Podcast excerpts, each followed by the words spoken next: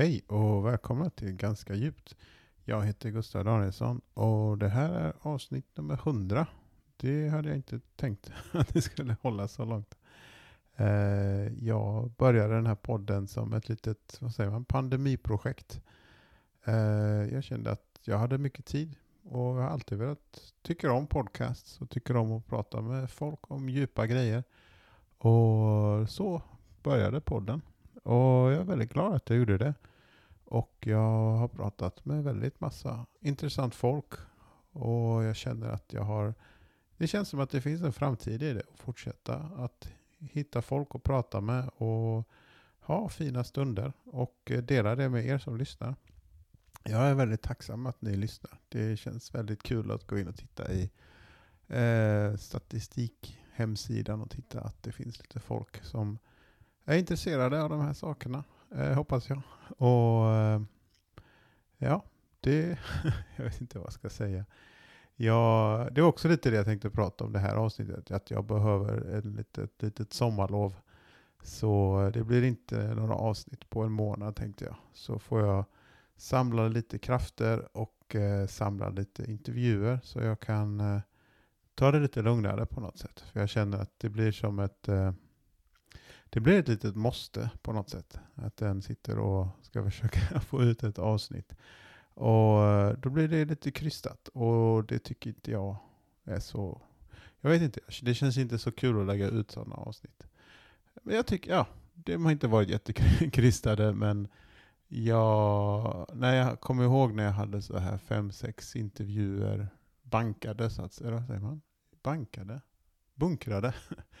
Då kände jag mig mycket mer avslappnad med allting. Men eh, många gånger så kände jag att oj, jag måste, jag måste, jag måste. Men eh, det måste jag inte. Jag får ta en liten paus, samla på mig lite intervjuer och eh, så blir det mer avslappnat och så kan man ju liksom eh, slappna av, hitta lugnet, hitta tystnaden och eh, eh, ja, tänka efter.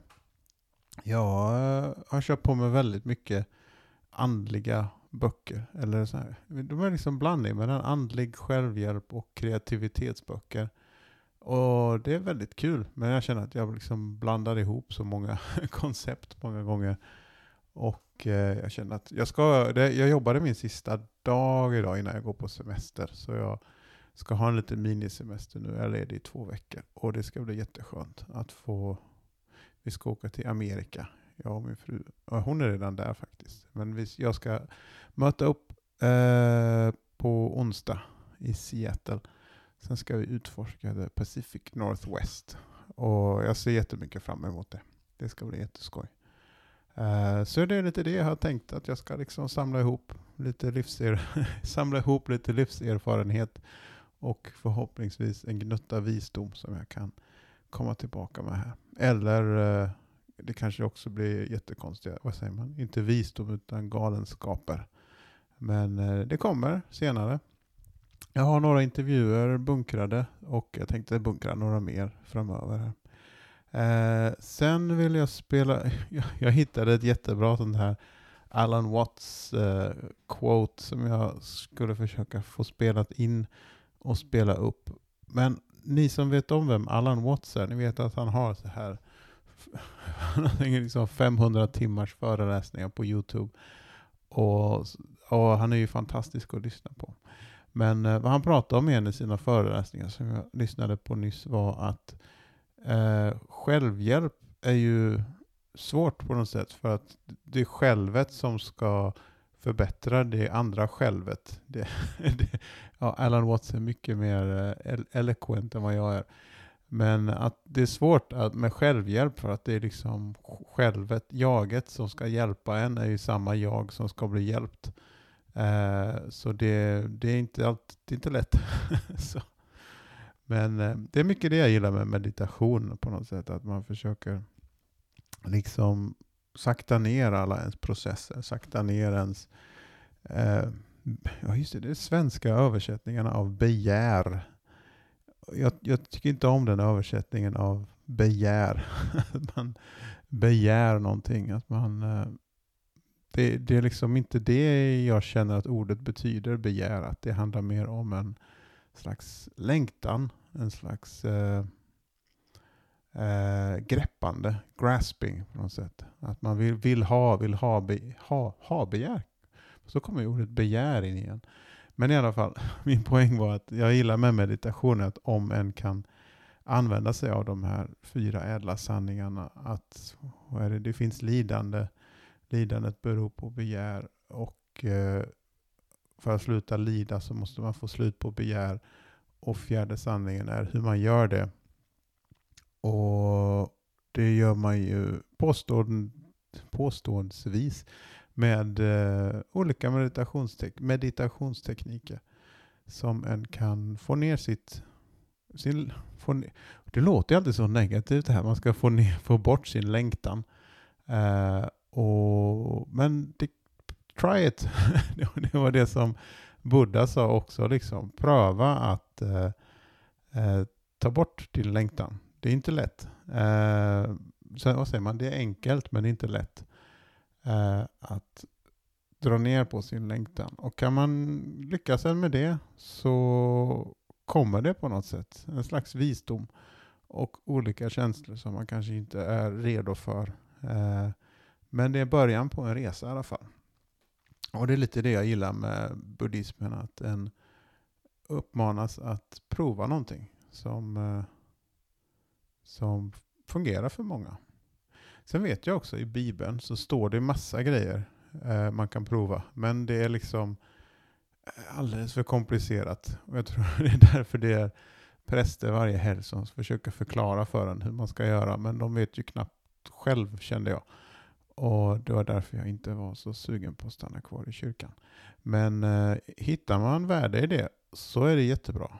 Och det finns, jag har kommit in på det lite senare också, med kristna mystiker. Det finns en amerikan, alltså det finns ju massor. jag, jag funderar lite på det och läsa mig in lite i sådana här eh, mystiska texter.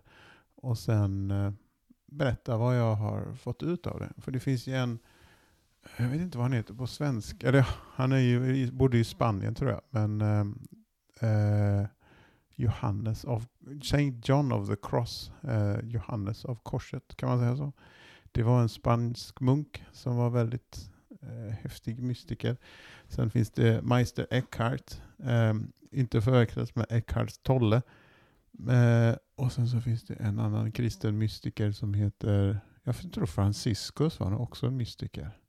Men eh, i alla fall, det finns en väldigt djup tradition inom kristendomen med mysticism som jag håller på att utforska lite nu. Eh, jag läser en bok av en gubbe som heter Richard Rohr som heter Falling Upwards. Och eh, det handlar lite om att, den, eh, att man har två halvor av livet.